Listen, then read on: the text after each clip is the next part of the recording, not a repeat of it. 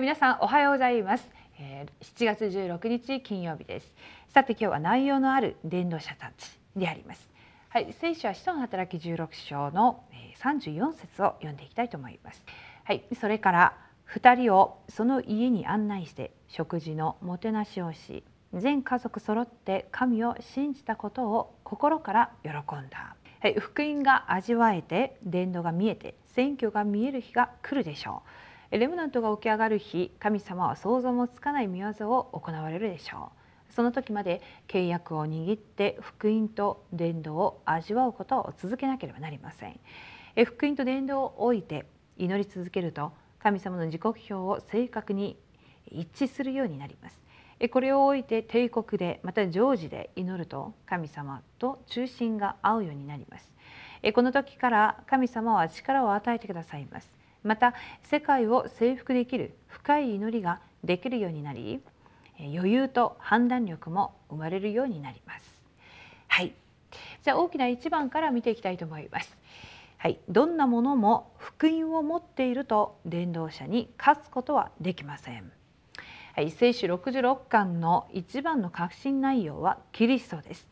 創世記3章15、シテジプト3章18節。イザヤ7章14、マタイ16章16節。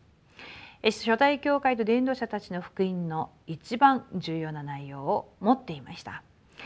え、イエスはキリストでありまた神の国精霊の満たしっていうことの内容を持っていました。福音を持っていて神の国と精霊の働きを知っている人はこれからただ一つ祈りだけをすればよいのです。はい。じゃあ大きな2番です。御言葉を握ることだけで御言葉通りの答えが与えられます。五巡節の日マルコの屋上の間の精霊が働かれた現場に本格的に御言葉が成就し始めました。その後3,000人の弟子があらゆる現場から起き上がりました。美しの門という宮の門の前に座っていた足のえた人がペテロが述べ伝える福音を聞いて癒される働きが起きました。力のない女の子の前でも恐れていたペテロでしたがもはや法廷の前でも大胆にイエスがキリストであることを伝えました。その後にも御言葉が成就される働きは続きました。はい。このようにですね、えこのペテロが主は生ける神の御子キリストです。ということを、最高の告白をしたのにもかかわらずその後実はイエス様を裏切るっていうそういうことがありました。でも使徒の働きに入ってのこのペテロの姿はですね全く別人のようなすごい内容のある伝道者になったわけです。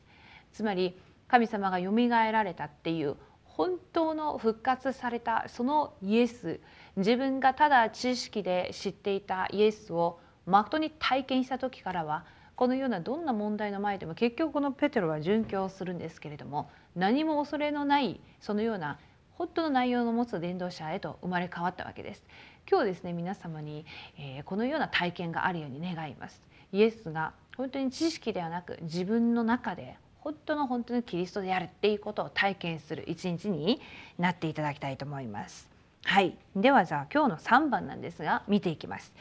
神様は絶えず働いておられます。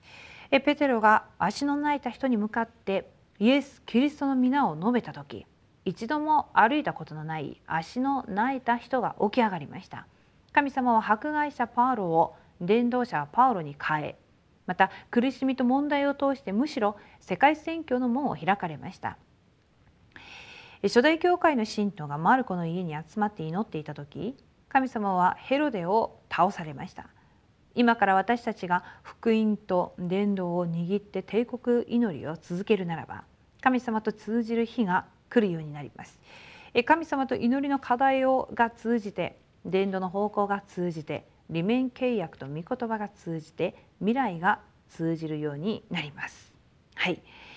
ではですね皆さん私たちもこのような内容のある伝道者になるためにですね今日も皆さん必ず皆さんの一日をただで過ごしてはいけません。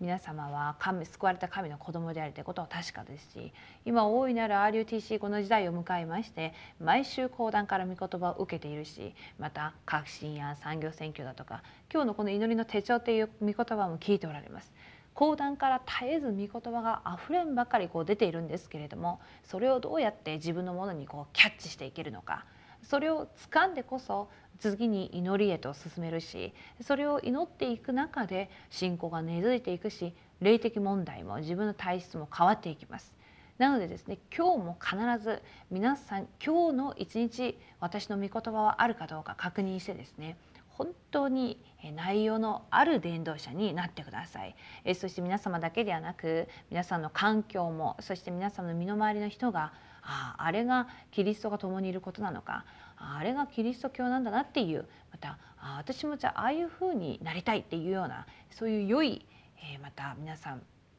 香りをキリストの香りを漂わせることのできる一日になっていただきたいと思います。今日えー、五巡節の日になっての答えが皆さんの現場に望まれることを切に切にお祈りします。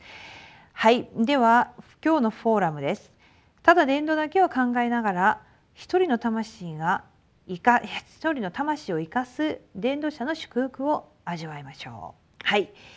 では今日お祈りをして今日の祈りの手帳を終わりにしたいと思います